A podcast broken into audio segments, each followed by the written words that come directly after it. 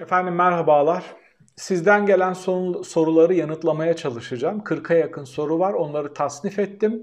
Muhtemelen bu videoya sığmayabilirler. Becerebilirsem iki videoya bölüp bunları yayınlamaya çalışacağım. Öncelikle demokrasi ve hukuk ekseninde gelen soruları yanıtlayacağım. Bu hafta çok güzel sorular geldi. Genelde çok güzel sorular geliyor. Şöyle felsefik bir soruyla başlayacağım. Gelişmiş bir toplum olmak siyaseten mi başlar? Bireylerden mi başlar? Yani önce siyasetçiler mi yoksa bireyler mi gelişmiş toplumların değerlerini içselleştirmeli? Siyaset düzelmeden toplum düzelmiyor ama iyi bir toplum olmadan da güzel bir siyaset çıkmıyor. Çok özel ve çok güzel bir soru. Türkiye'deki genel sorunu e, kavrayan, çerçeveleyen bir soru. Şimdi tam anlamıyla yumurta mı tavuktan, tavuk mu yumurtadan çıkar? Yoksa Yoksa bu kısır döngüden çıkmanın bir yolu var mı? Bu soru üstüne çok uzun seneler kafa yorduğum için bununla başlama kararı aldım. Gerçekten tüm konuları, tüm mevzuları tartışırken birçoğumuz bunu da tartışıyoruz. Bir de bunu tartışırken şunu da görüyoruz. Bizim de fikirlerimiz değişiyor. Değil mi? 15 sene önce dünyaya nasıl bakıyorduk, Türkiye'ye nasıl bakıyorduk, orduya, siyasete, Kürtlere, ülkenin sorununa nasıl bakıyorduk? Bugün nasıl bakıyoruz? Neden bu kadar çok değişim yaşıyoruz? Şundan dolayı çok az okuyoruz toplum olarak. Yani o değişimi hep test ederek, yanılarak, düşerek, hatalar yaparak, çökerek, iflas ederek oradan bazı çıkarımlar yapmaya çalışıyoruz. Benim genel olarak tüm soruları yanıtlarken aslında bu soruyu hep yanıt vermeye çalışıyorum. Kendi çerçevemden, kendi durduğum noktadan. Benim yanıtım şu, Türkiye'deki toplumun seviyesi çok düşük. Eğitim seviyesi çok düşük, okuma oranları çok düşük, evrensel değerlere bakışı çok çok düşük. Açıkçası dönüp dolaşıp geldiğimiz yer biraz da o Kemalist devrimi yapanların durduğu yer. Onlar da topluma bakarak kendi batılı modernist ama aynı zamanda çok aşırı milliyetçi duruşlarıyla birlikte bir toplum inşa etmeden bir devlet inşa edemeyeceklerini gördüler. Aşağı yukarı bu noktadayım. Yani Türkiye'de elitler uzlaşısını öneriyorum ben. Elitler uzlaşısıyla birlikte geçen de ki İslamcı çizgiden geliyor. Fikirleri orada yeşermiş durumda. Ama Davutoğlu da buna benzer şeyler söylediğini gördüm. Yani toplumdaki kanaat önderlerinin, siyasilerin bir araya gelerek toplumu çok ciddi bir şekilde yönlendirmesi gerekiyor. Böyle toplumu övecek, onu göklere çıkaracak şeyler yapmayacağım. Böyle değil.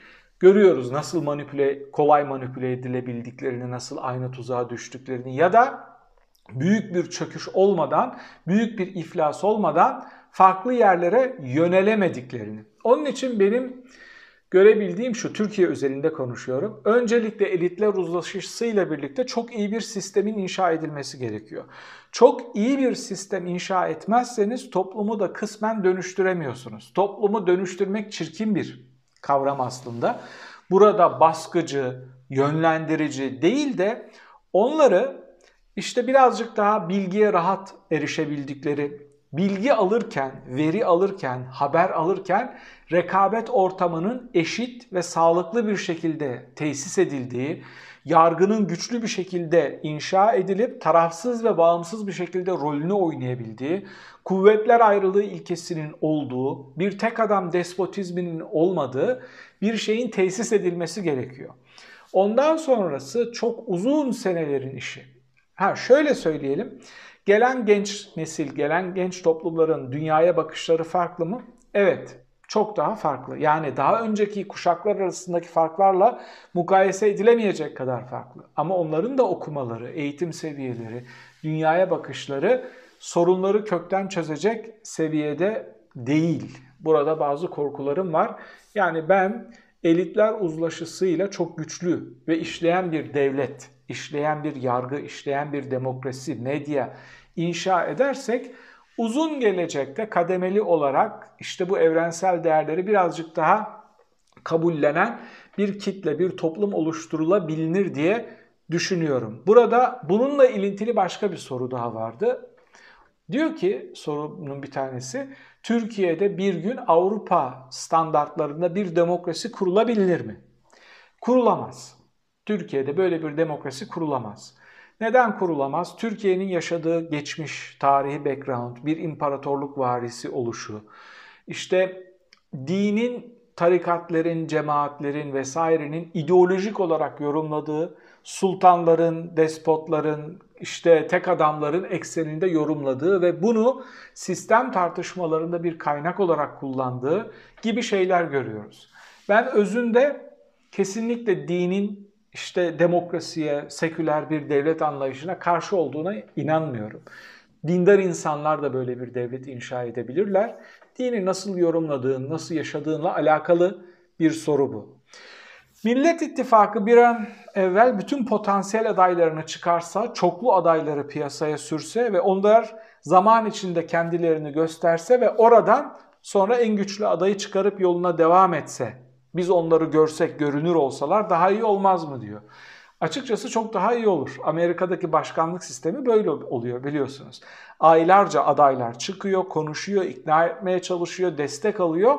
Hatta bir ön seçim yapılıyor. Ee, bu olabilir mi? Pratikte bu olsa çok iyi olur. Peki olabilir mi? Olamaz. Neden? Neden olamaz? Çünkü o tartışmaları manipüle edebilecek çok güçlü bir e, saray medyası var. O tartışmaları işte milleti birbirine düşürecek, millet ittifakını birbirine düşürebilecek bir zemin var. Yapılması gereken şey şu, ciddi bir analiz yapıp liderlerin bir araya gelerek eşit e, potansiyel, oy potansiyelleri içinde bize bir iki tane aday çıkartmaları gerekiyor. Bu bir iki adayı bir ön seçim olabilir. Delegeler önermiştim ben. Her parti işte bir şekilde her partiden 50'şer tane delege alınabilir. 6 parti varsa 300 tane delege koyulur. Bağlayıcı olmaz. Bu 300 delegenin vereceği oyla o liderlerin seçtiği iki aday bire düşürülebilir. Mesela böyle bir yöntem olabilir. Bu çok güzel bir öneri ama bırakın birçok aday çıkartıp ön seçim yapmayı Millet İttifakı nasıl aday çıkartacağını bile tartışmış değil. O yönden zayıf bir yerde duruyoruz. Önümüzdeki yüzyılda Orta Doğu'da, Mezopotamya'da haritalar değişir mi diye iki tane soru gelmiş. Ne gibi değişiklikler olur ve buna ilintili olarak yakın ve orta vadede nasıl bir Türkiye bekliyorsunuz? AKP gidecek ama Türkiye'yi kim yönetecek? Kimler yönetecek diye bir soru var. Şimdi genel olarak uluslararası ilişkiler aslında sınırların daha fazla bölünmesini desteklemiyor. Ne kadar çok küçük devlet, o kadar çok büyük sorun, birbirini yiyen, birbiriyle çatışan, birbirini ilhak eden devlet ve devletçikler çıkıyor. Yani milli devletlerin aslında sayısının azalması uluslararası sistemin daha iyi işlemesine neden oluyor. Avrupa Birliği'nde ne görüyoruz? Füzyon görüyoruz değil mi? Farklı 27 tane farklı ülke bir devlet gibi hareket etmeye çalışıyor ve oradan bir başarı yakalıyorlar. Aslında işte bu başlı başına bir video konusu, güzel de bir soru. Ama bizim algıladığımızın ötesinde o böl parçala yut soğuk savaş döneminin geçmişte imparatorlukların olduğu dönemin bir söylenimiydi. Şimdi bir diktatörlük, bir azınlığa çok fazla zulmedip baskı kuruyorsa gidip oraya operasyon yapıp o insanları kurtaracak bir devletçik kuruyorlar. Yoksa birlikte yaşamayı başaran toplumlara kimse dokunmuyor. Türkiye'yi kim yönetecek sorusunun yanıtını bunu birkaç kere tekrarladım. Büyük olasılıkla şu belirleyecek. AKP nasıl veda edecek? Burada ilintili başka bir soru daha vardı. Şöyle diyor siz seçimlerin altını çok fazla çiziyorsunuz ama son sözü yine ordunun söyleyeceği bir eşeğe gelebilir miyiz? Yani İstanbul seçimlerinin de yapılanların kat kat ötesini Erdoğan saray ve şeyleri, danışmanları yapmaya kalkarsa ki son planlarının, son tahlildeki e, enstrümanlarının o olabileceği korkusu herkeste var. Uluslararası raporlar bunu yayınlıyor, düşünce kuruluşları bunun altını çiziyor. Erdoğan'ı, AKP'yi, sarayı yakından takip eden e, uzmanlar bu konu hakkında işte senaryolar yazıyorlar. Onların yapacağı hatalar, onların yapacağı saçmalıklar, onların hukuka, anayasaya, demokrasiye aykırı yapacağı hamleler belirleyecek Türkiye'nin Erdoğan ve saray sonrası nasıl yönetileceğini.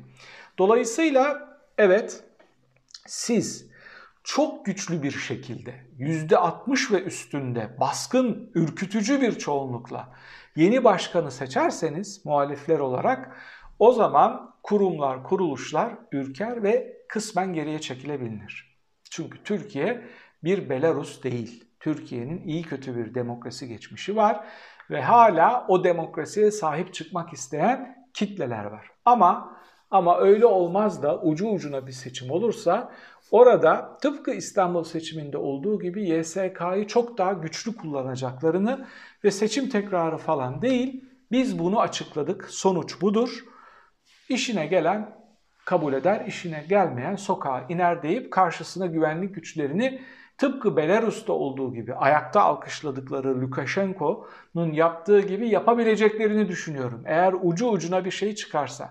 Babacan da bundan korktuğu için bunun altını çiziyor. Açık arayla kazanılması gerekiyor diyor seçimlerin. Yoksa bu ülkede muhalefet, medya bu son seçim olabilir gerçekten. Muhalefet, medya vesaire gibi şeyi bırakmazlar, kurum bırakmazlar. Orduydu, şuydu, buydu. Tamamen daha önce atazıklarını çok çok yükseğe getirip işte onlara kurmaylıklar verip bir şahsım ordusu da inşa edebilirler. Muhafazakar sokak bunu çok fazla görebildiğini düşünmüyorum. Son anketleri yakından takip ediyorum. Belki pazartesi önemli bir anket sonucunu açıklayacağım ve orada benim korktuğum şeylerin bazılarının görülmeye başladığını da ifade edebilirim. Böyle çok 13 yılını olan dönemdeki ekonomik başarıları sadece Ali Babacan ve ekibinin yürüttüğü ekonomik politikalarla ilişkilendirmek mümkün mü diyor. Hayır, mümkün değil. Şimdi evet ekonomik kararları Babacan, işte Mehmet Şimşek vesaire bunlar alıyorlardı ama o ekonomik başarıların gelmesinin iki tane sebebi vardı. Birincisi güçlü bir tek parti iktidarı, istikrar vaat eden ve uzun yıllar bu ülkeyi yöneteceklerini gösteren, o sinyalleri veren ama hangi eksende? Kopenhag kriterleri ekseninde reform yapan, Avrupa Birliği açılımları yapan bir iktidar vardı karşımızda.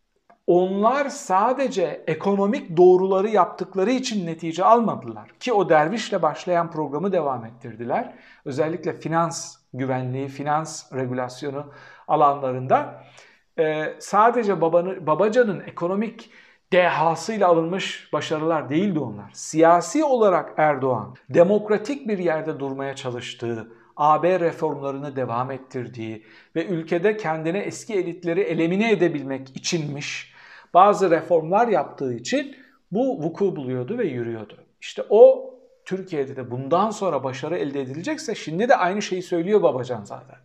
Yani ekonomik doğrular belli, çok basit diyor. Önemli olan demokrasi, hukuk, yargıyı işletip piyasalara ve küresel yatırımcılara güven verebilecek bir iktidar kurabilmek. Aynen öyle. Aynen öyle. Türkiye'yi yönetecek olan İyi Parti'nin getirdiği genel başkan yardımcısı işte Amerika'dan getirdiği ekonomiden sorumlu genel başkan yardımcısı da aynı şeyi söylüyor. Yani evet ekonomik bazı şeyler yapılacak çünkü Erdoğan döneminde özellikle son 10 yılda çok büyük hatalar yapıldı. O ihaleler vesaire, dövizle ödenen şeyler ama asıl olan siyasi istikrar, demokratikleşme ve hukukun işlediği ve tüm dünyaya öngörülebilir bir ülke fotoğrafı verebilirsek bir program işler. Yoksa Nobel Barış Ödülünü almış 40 tane şey getirin, dahi getirin. Türkiye'nin ekonomisini düzeltemez. Mümkün değil bu. Çünkü o siyasi ayağı, yargı ayağı, medya ayağı olmayan bir iskemle tek bacaklı ayakta duramaz. Yine Babacan'la alakalı bir soru var. Babacan özellikle laiklik ilkesinin unsurları olan demokrasi ve insan hakları ilgili söylemlerin nasıl anlaşılmalı yoksa Babacan siyasi ideolojik dönüş görüşlerinde değişiklik mi oldu? Hepimizin görüşlerinde değişiklik oluyor. Ama bu konuda Babacan'a şöyle bir haksızlık yapmayacağım. Diyorum ya o başarılı programlar vuku bulurken zaten kısmen seküler, demokratik ve reform yapan bir AKP vardı. Yani görüşlerinde değişiklik oldu derken otoriter bir sistemin bir parçası oldu demiş oluruz ona. Öyle demeyelim. Yani geçmişte zaten demokratik bir parti olduğunu savunuyorlar ve kısmen de elle tutulur, gözle görülür bazı gerekçeler var. Bunu izah edebilecekleri. Ama yolsuzluk yapanların yargılanması için neden zamanında ses çıkarmadı? 17-25'i kastediyorsunuz. Çok doğru. Ses çıkarmadılar ve Türkiye'de orada çok büyük bir treni kaçırdı. Yani o gün ben şunu söylemiştim. Bu Türkiye'nin Suriyelileşme sürecinin başlamasıdır. 17-25'te hukukun dışına çıkan aktörleri baş tacı yapıp hukuku işletmediği için sistem orada otoriterleşme başladı ve Türkiye'nin de bir Esat oldu. Esat da seçimle geliyor.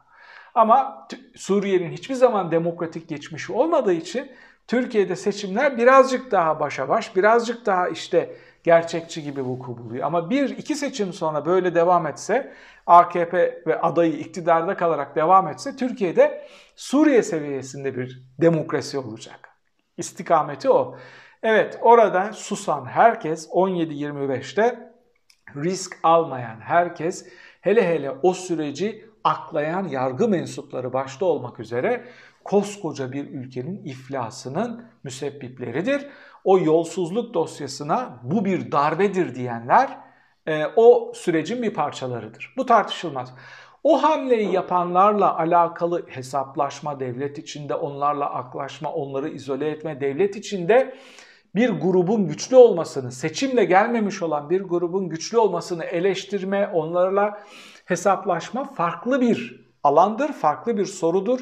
Onu bununla karıştırmadan o kolaycılığa gitmemek gerekiyordu.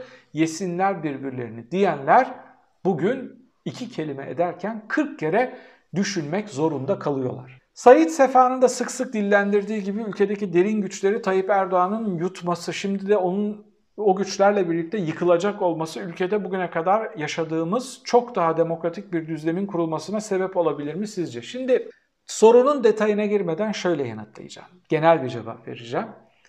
Bir ülke demokratikleşme ve hukuk süreçlerinde ne kadar acı ve çöküş yaşarsa, oradan çıkabilirse, çıkmayı başarabilirse o kadar iyi ve güçlü bir sistem kurma ihtimali oluyor. Neden?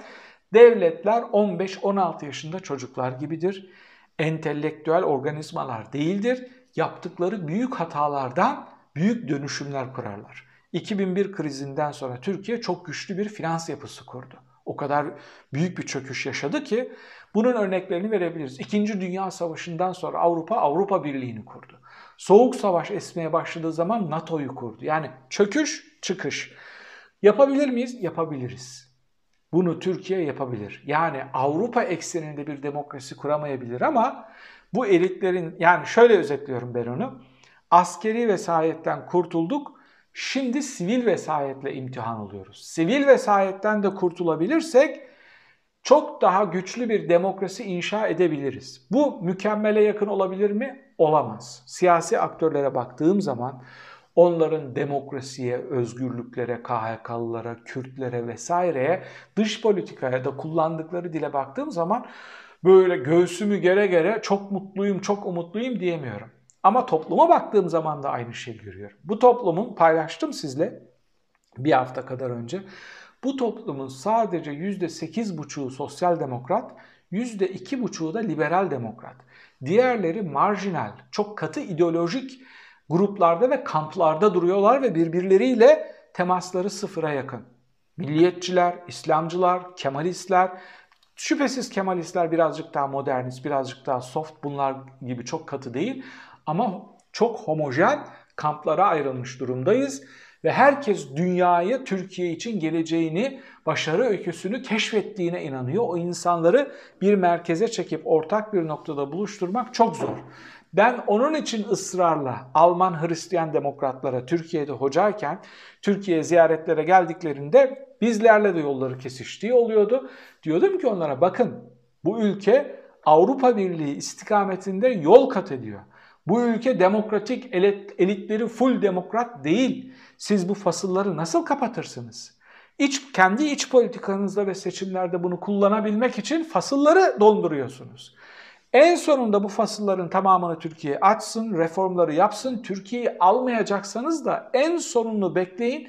O gün söyleyin neden şimdiden tüm fasılları kapatıp bu ülkenin demokratikleşmesine mani oluyorsunuz? Bunları söyledikten sonra Türkiye ile göçmen Erdoğan despotizmi inşa ettikten sonra Erdoğan'la göçmen anlaşmasını imzaladıktan sonra Brüksel'de onu ağırlayıp fasıl açtılar. Sosyal demokratlara dedim ki burada SPD'nin bir şeyinde workshopunda bakın dedim tek adam rejimi inşa ettikten sonra fasıl açtınız.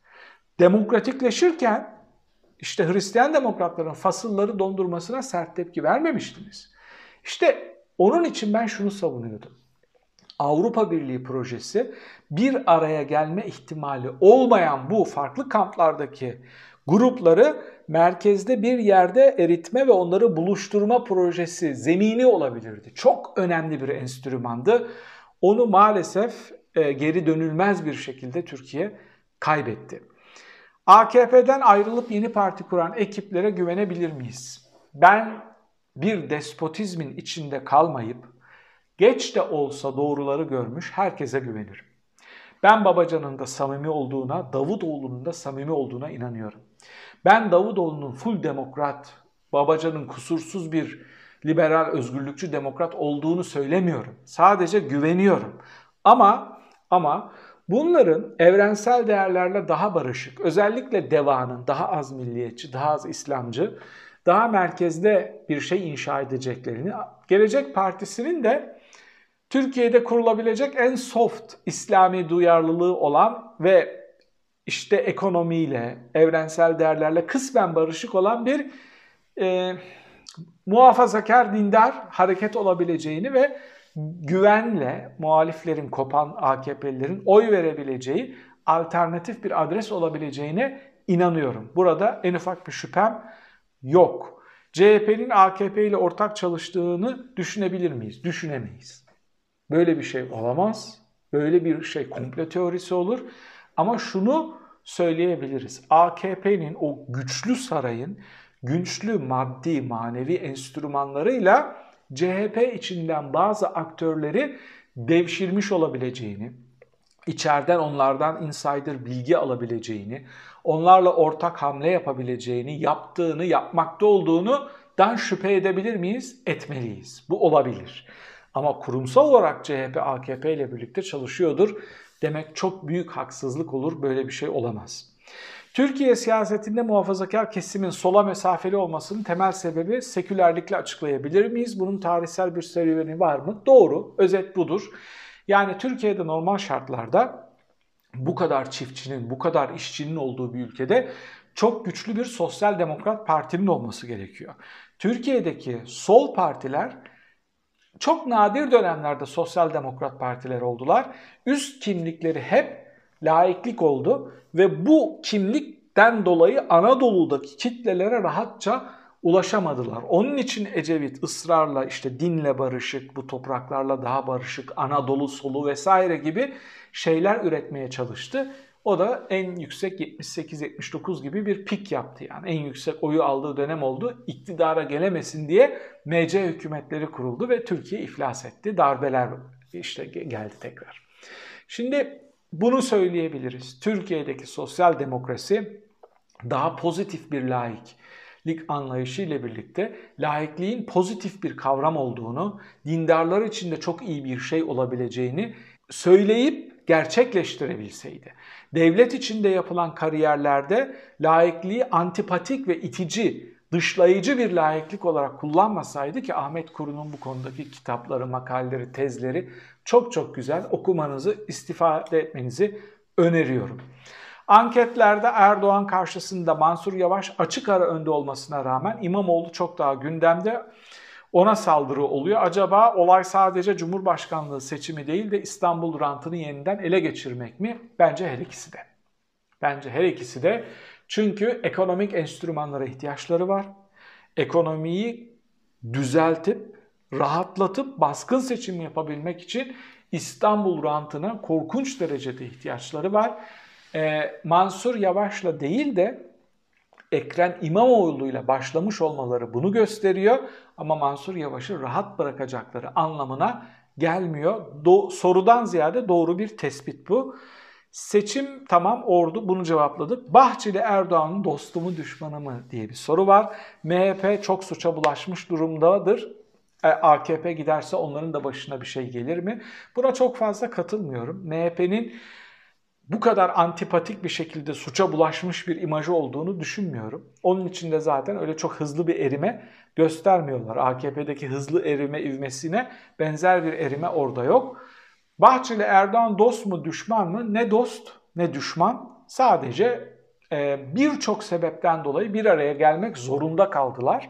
Buna cohabitation diyoruz. Yani istemeden aynı evi paylaşmak gibi bir şey. Boşandıkları halde aynı evi paylaşan çiftler gibi bir tablo var karşımızda. Ne zaman yolları ayrılır, ne zaman farklı istikametlere gitmeye başlarlar bunu öngörmek çok kolay değil ama bunun bir şekilde bir büyük bir kırılma olursa vuku bulacağını söyleyebiliriz. Son videodaki yorumuma da referans yaparak işte Erdoğan Öcalan açılımı yapmaya çalışıyor ama işte Bahçeli MHP buna nasıl tepki verecek? Sevgili dostlar Erdoğan iki kere Bahçeli ile buluştu. Ona danışmadan, ona anlatmadan, onu ikna etmeden, çerçevesini çizmeden böyle bir adım atamaz. Önce Bahçeli'ye neler yapacağını anlattı, niçin yapmaları gerektiğini anlattı. Düşünebiliyor musunuz? Bahçeli'nin izin verdiği kadar bir Kürt açılımı yapılacak. Bahçeli'nin izin verdiği kadar Öcalan Kürtler üstünde etkin olacak ve Erdoğan buradan bir çıkar sağlamaya çalışacak. Yani Kürtler şu tabloya inanıp Demirtaş'a mı güvensek yoksa Öcalan'a mı güvensek sorusuyla yaşıyorlarsa bu e, saydığım süzgeçlerin, Kürt açılımının onlara gelinceye kadar içinden geçeceği süzgeçlerin hiyerarşisine bakarak doğru karar verebileceklerini düşünüyorum. Daha fazla detaya gitmenin anlamı bile yok. İttifakını genişletemiyor Erdoğan. Peki bu süreç bu şekilde giderse MHP de o gemiden iner mi? Bu sorunun bende de somut bir yanıtı yok. Ee, daha önce vuku bulacak bir şekilde inebileceğini, sürprizi onların yapabileceğini söyleyenlerden biriydim. O tür hislerim vardı bu gidişat bu şekilde vuku bulursa diye. Ama öyle bir tablo yok. Niçin olmadığını muhtemelen pazartesi günü yarın yapacağım yorumda unutmazsam bir veri üstünden açıklayacağım. Niçin bu birliktelik ayrılmayacak birbirlerinden uzun süre kopmayacakları bir veriyle birlikte açıklayacağım. Yeni çalıştığım, okuduğum bir şey var, bir anket var. Yeni anayasa yapmak bu ülkenin öncelikli bir ihtiyacı mıdır? AKP'nin mevcut olana bile uymadığını düşünürsek. Cevabı vermiş bile bu soru. Anayasa, yasa bunları AKP ile konuşmak bile abesle iştigal.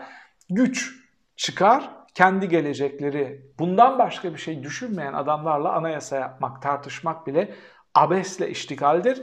Muhalefet partileri neden birleşip bir gölge kabine kurmuyor? Muhalefet partilerinin en zayıf oldukları nokta şu. Biz işte yeni kurulan partilerde var. Önce kendimizi büyütmeye çalışalım. Bu kopan oylardan kendimiz koparmaya çalışalım ki masaya oturduğumuzda Millet İttifakı olarak orada benim şu kadarım var, benim bu kadarım var diye elimizdeki kartları açabilelim. Hesabı yaptıkları için netice alamıyorlar. Ee, af meselesiyle alakalı bir soru var. Ve şunu da soruyorlar, biz çok kötü yargılandık. İktidar değişimi olursa ahim çerçevesinde hiçbir somut delil olmadan ceza almış insanlar tekrar yargılanabilir mi? Bence yargılanabilir. Yani ahim çünkü bunu dayatıyor. Demokratik bir ülke ve demokratik bir e, iktidar dünyaya açılacaksa somut delil olmadan katalog işte şeylerle liste cezalarla yargılanmış insanların en azından beraat edeceklerini, en azından üstlerindeki o mührün kalkacağını düşünüyorum. Bu işte tekrar işlerine dönmek, dönememek vesairesinden ayrı bir şey. Bu rahatlamanın toplumda vuku bulacağını düşünüyorum. Burada isterseniz neticelendirelim. Soruların yarısına ancak gelebildim. Diğer sorularla alakalı bir video daha yapacağım. Benim normal yaptığım videoların hacmini ikiye katladık yine. Soru cevap olunca böyle oluyor. Bir sonraki videoda tekrar birlikte olmak üzere efendim. Hoşçakalın.